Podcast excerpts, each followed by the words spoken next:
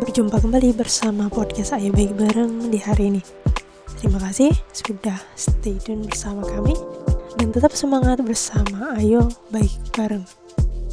Alhamdulillah, pada kesempatan hari ini kita berkesempatan untuk sharing kembali terkait dengan insight. Hari ini adalah memori internal. Kalau kisah ada seorang teman, teman baru nih, baru aja membeli sebuah handphone handphonenya juga baru. Handphone ini disertai memori internal besarnya 16 GB.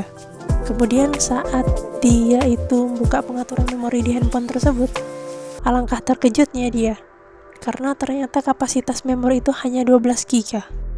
Lah, kemudian ke mana yang 4 GB-nya lagi? Kemudian dia lantas menghubungi toko lalu menanyakan masalahnya. Beruntung, si mbak yang menerima telepon ini berhasil menjelaskan dengan baik sekali. Seperti ini. Begini mas, memang betul mas diberi memori internal sebanyak itu. Tetapi mas tidak bisa menggunakan semuanya. Sebab ada sebagian yang harus disisihkan untuk file sistem Android itu sendiri mas. Kalau memori internal tidak menyisihkan untuk file tersebut, maka handphone mas tidak akan berjalan dengan lancar. Begitu penjelasan mbaknya. Tuntas sekali penjabarannya. Sekali penjelasan saja langsung membuat kita mengerti dua hal ya. Tentu saja ini relate banget. Yang pertama, tentang memori internal itu sendiri.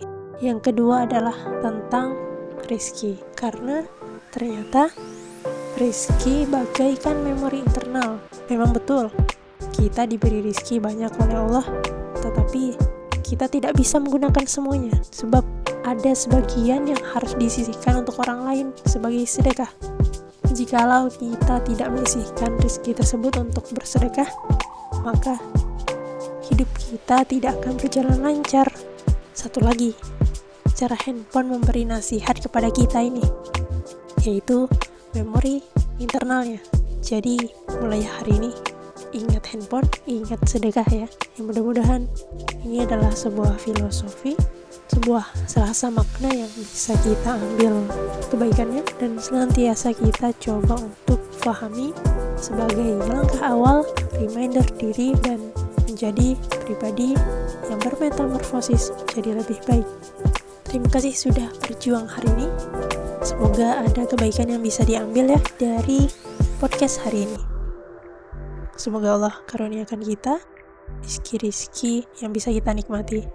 Barakallahu fikum. Tetap di ruang dengar kamu bersama podcast Ayo Baik Bareng. Wassalamualaikum warahmatullahi wabarakatuh.